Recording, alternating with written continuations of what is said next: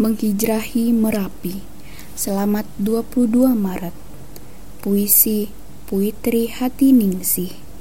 Narator Saidia Rizky Arvina. Ilustrasi musik Endah Fitriana.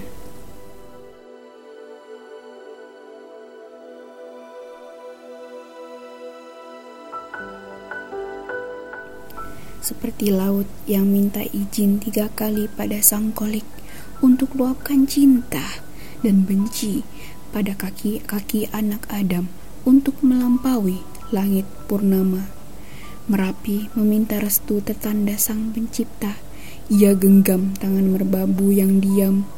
Ia titipkan beberapa selendang awan dengan bekas cerita tertulis madah ribuan drama dan puisi episode senja.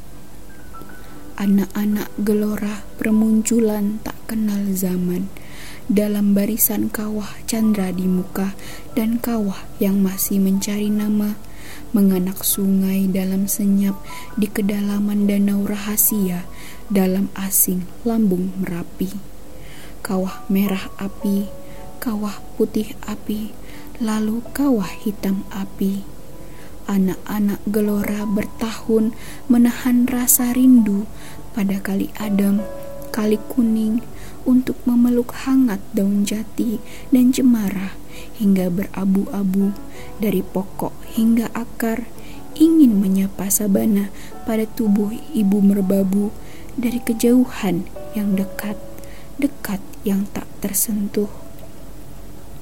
Anak-anak gelora meninggalkan rumah buyut gelora, membawa pena dan panah dari kawah-kawah sepi di dasar magma tua yang menerima semua cerita bumi tanpa terlewat satu bait pun.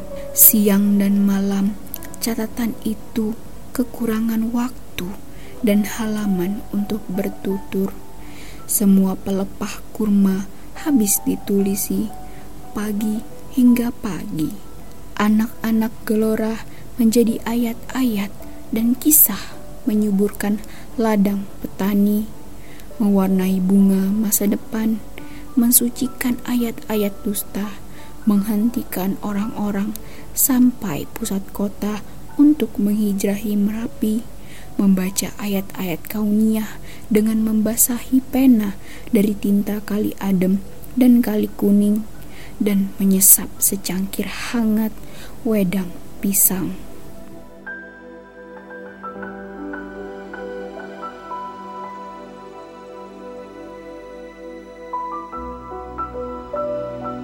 Sastra suara ini hasil kerjasama divalitera.org dan Tokopedia.